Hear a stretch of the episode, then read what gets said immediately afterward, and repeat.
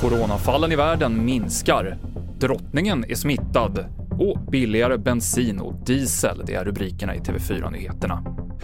Vi börjar med att berätta att Moderaterna vill lägga 3 miljarder extra på försvaret under 2022 med anledning av den ryska upptrappningen vid Ukrainas gräns. Pengarna ska bland annat gå till köp av ammunition, att anställa mer personal och att stärka cyberförsvaret.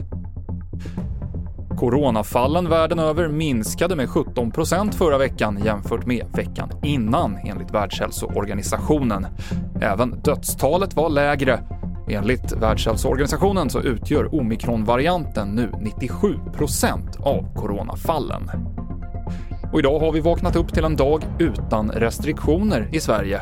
Men på Folkhälsomyndigheten vill man ändå betona att pandemin inte är över.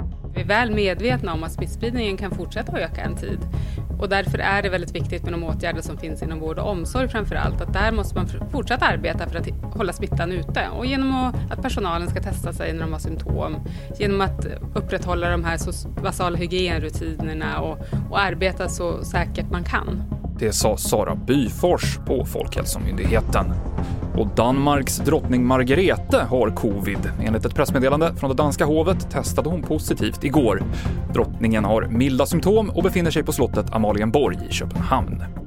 Priserna på diesel och bensin går ner något från den senaste tidens rekordnivåer. Dieseln sänks med 25 öre litern till 21 kronor och 37 öre enligt rekommenderade priser på bemannade stationer och bensinen sänks med 10 öre litern till 19 kronor och 4 öre.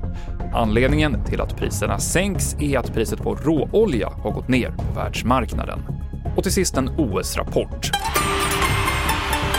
För idag blir första dagen på OS utan ett svenskt guld. Men det blev ett brons i morse för Henrik Harlå i Big Air. Sverige har nu sju medaljer under spelen. Om en timme så gör ett annat svenskt medaljhopp OS-entré, curlingherrarna, som möter Kina i sin första match. Senaste nytt finns på tv4.se. Jag heter Mikael Klintevall.